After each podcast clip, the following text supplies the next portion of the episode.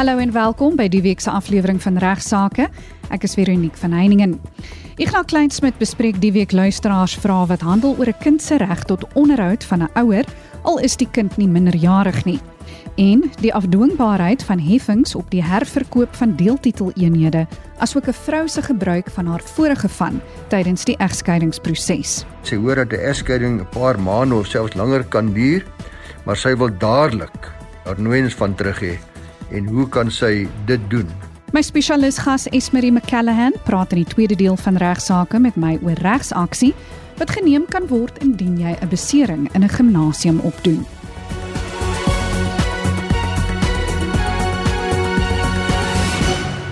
Ek gaan bespreek nou 'n luisteraarsbrief wat handel oor die plig van onderhoud teenoor 'n kind wat nie minderjarig is nie. Ek skop vandag af met 'n kort vinnige navraag, maar wat tog van groot belang is vir baie luisteraars. Dis 'n e-pos van Janine van Linden. Sy uh, sê dat haar oudste dogter het pas 19 jaar oud geword en nou weier haar man van wie sy geskei is om verder onderhoud te betaal want hy sê die dogter is nou meerderjarig. Terloops die eh, dogter sê sy ook gaan volgende jaar by 'n tersiêre inrigting daar naby Linden studeer. Nou luisteraars, dit word deur baie mense geglo dat onderhoud of die plig tot onderhoud is net van toepassing op minderjarige kinders.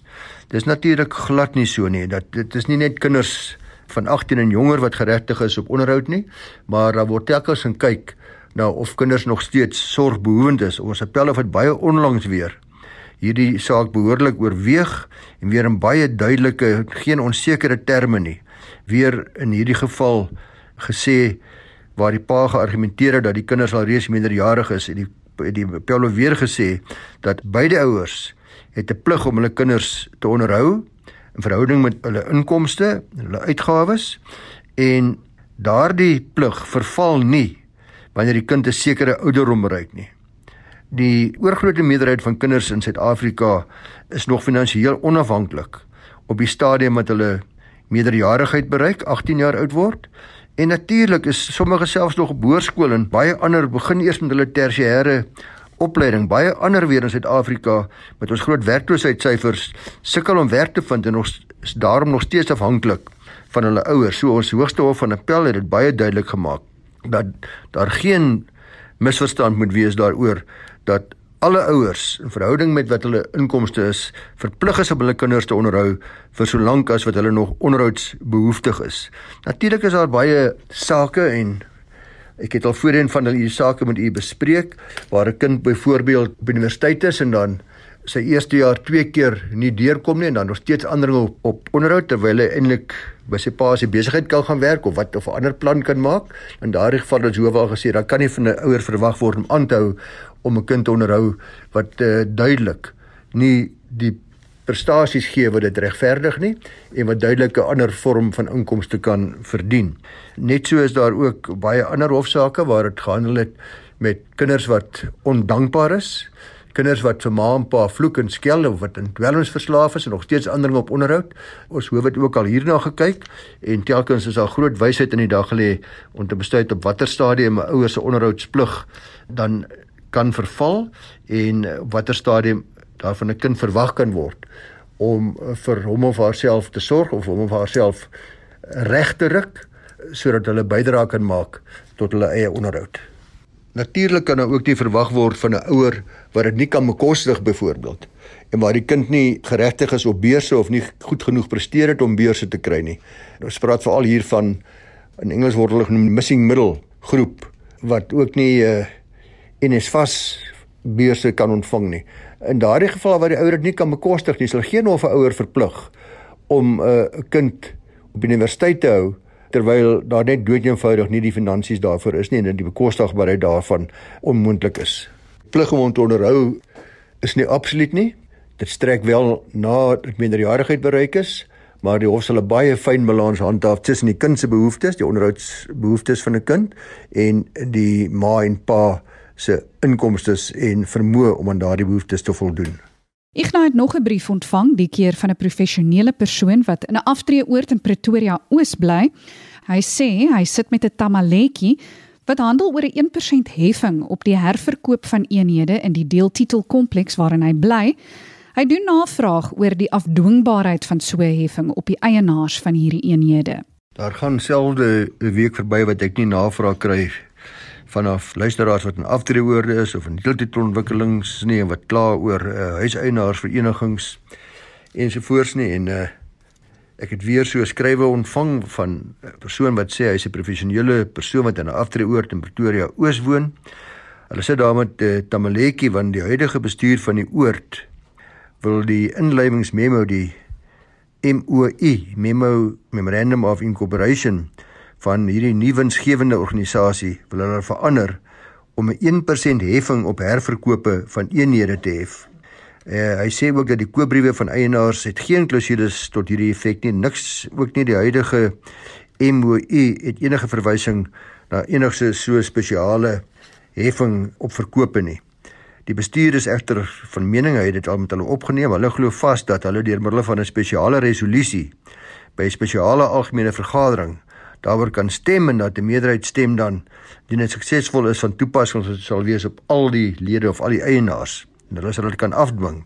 Dan vra ek bereid is om 'n opinie te gee oor hierdie afdwingbaarheid van so 'n nuwe 1% heffing op herverkope by wyse van 'n een eenvoudige spesiale resolusie.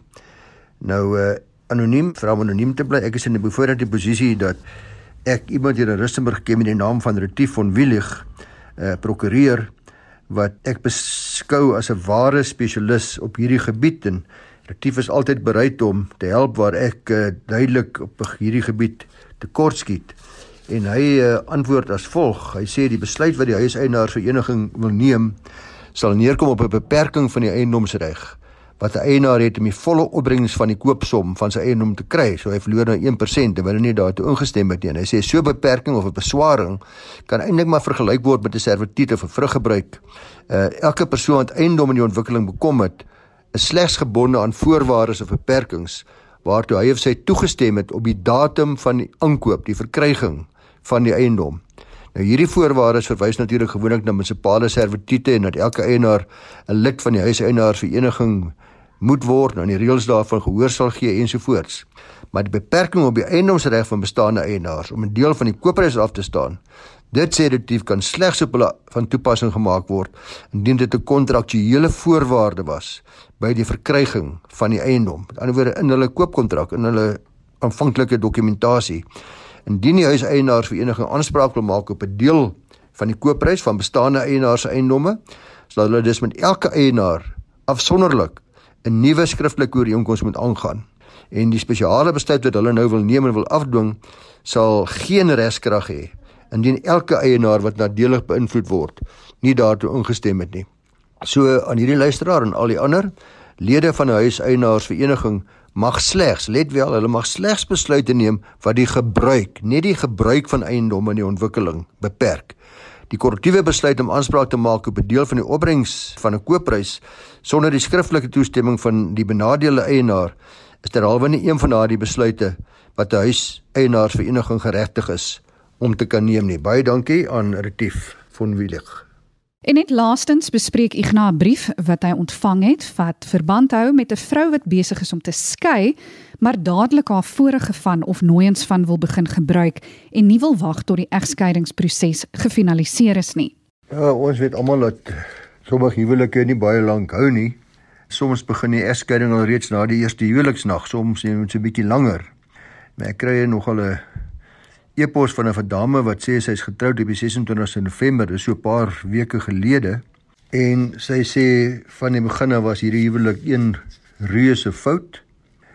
Sy het onder andere uitgevind dat haar man vir haar gelieg het oor 'n baie groot erflating wat hy dan kon sy sou ontvang het en wat hom 'n soort van 'n miljonair maak. Nou is duidelik uh, in hierdie geval eh, sy het nie gevra om anoniem te bly nie, maar gaan nie haar naam noem nie want dit is baie duidelik dat een van die probleme is dat toe die armoede by die voordeur inloop by die liefde by die agterdeur uitgeloop maar dis 'n gesinsprogram en ek gaan ook liewers niks uitlap oor waaroor sy nog kla nie maar haar vraag is eintlik sy sê sy hoor dat 'n egskeiding 'n paar maande of selfs langer kan duur maar sy wil dadelik haar van terug hê haar nooiens van terug hê en hoe kan sy dit doen dit gee my geleentheid lus oor 'n bietjie in die algemeen te praat oor die oor vanne en die verandering van vanne by mans, vrouens en kinders. Want u weet almal dat 'n normale gevolg van 'n huwelik is dat die vrou normaalweg haar man se van aanneem. Tesame natuurlik met die bewoording mevrou vooraan. Sy kan natuurlik ook 'n dubbelloop van gebruik soos byvoorbeeld mevrou Mara Kleins met Wilkins en baie mense doen dit.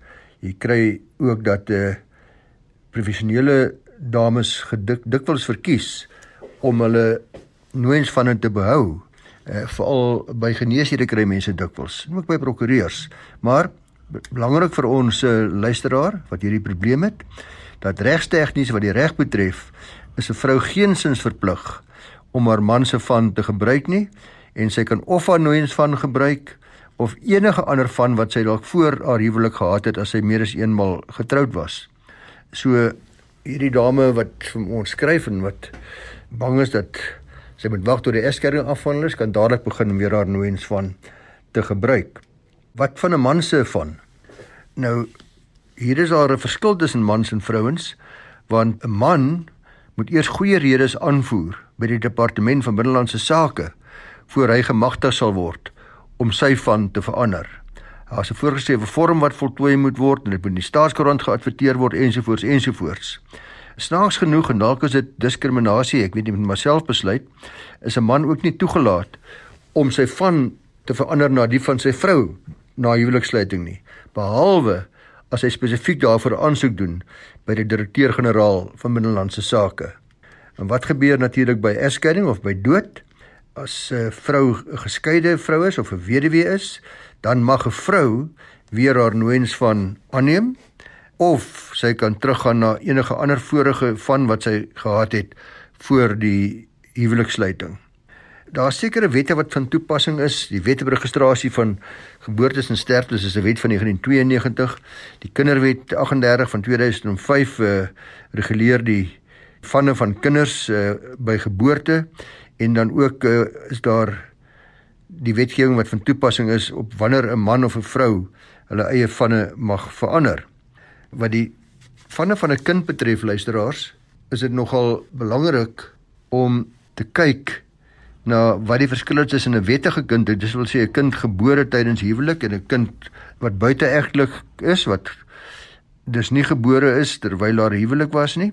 'n Kind wat gebore is gedurende die huwelik neem natuurlik die van aan van sy of haar pa. 'n Kind wat buiteegtelik verwek is, in daardie geval sal die kind die van aanneem van die moeder, maar belangrik is Die kind kan ook die natuurlike vader se van aanneem as beide ouers gesamentlik aansoek doen dat dit so in die geboorteregister aangeteken word en natuurlik op voorwaarde dat die buiteegtelike pa sy vaderskap erken.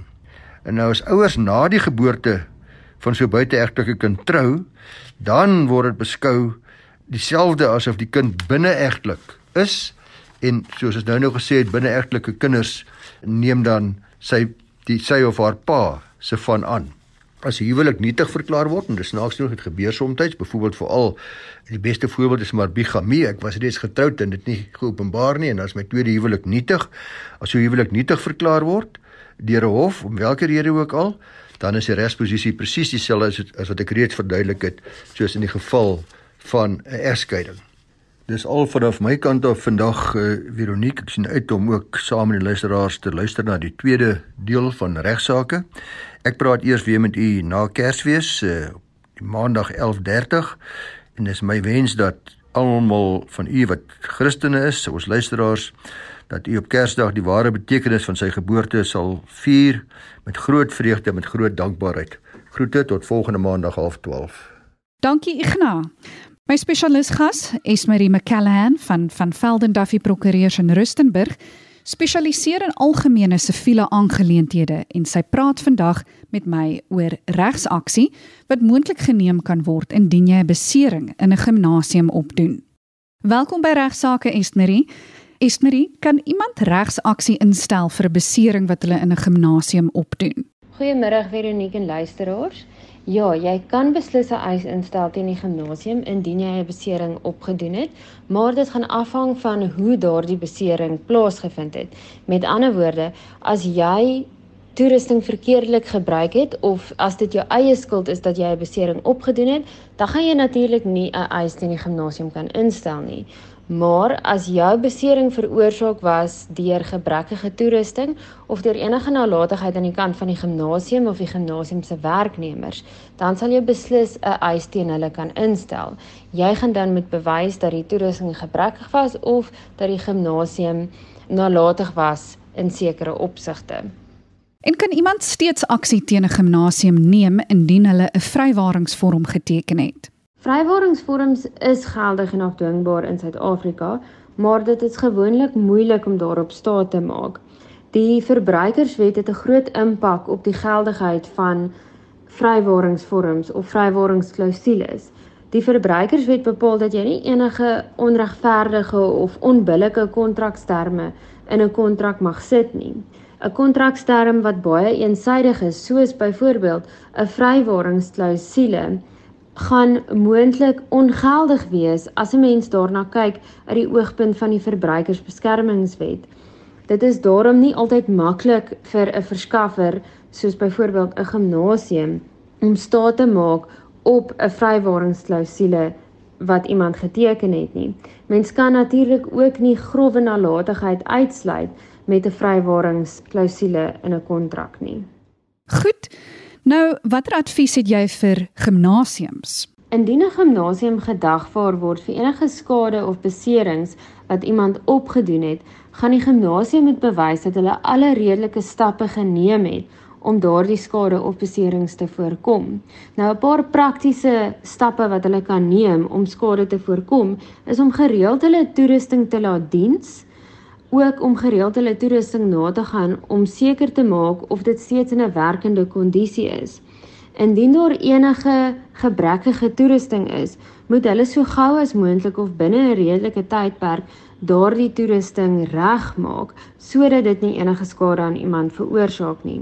Dit sal eintlik 'n goeie idee wees om daardie gebrekkige toerusting heeltemal van die vloer te verwyder sodat iemand dit nie gebruik nie of 'n bordjie op te sit om te waarsku dat die toerusting gebrekkig is en dat mense dit nie moet gebruik nie.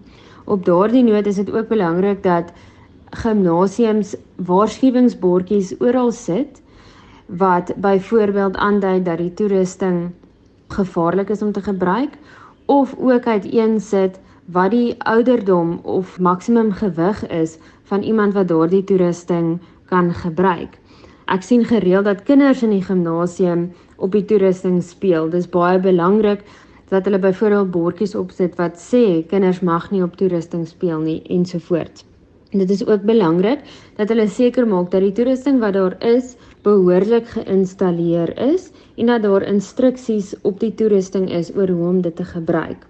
En het jy moontlik advies vir lede van die publiek ten opsigte van wanneer hulle in die gimnasium oefen? Dit is natuurlik belangrik vir lede van die publiek om self ook seker te maak dat hulle nie nalatig is of hulle eie beserings veroorsaak nie.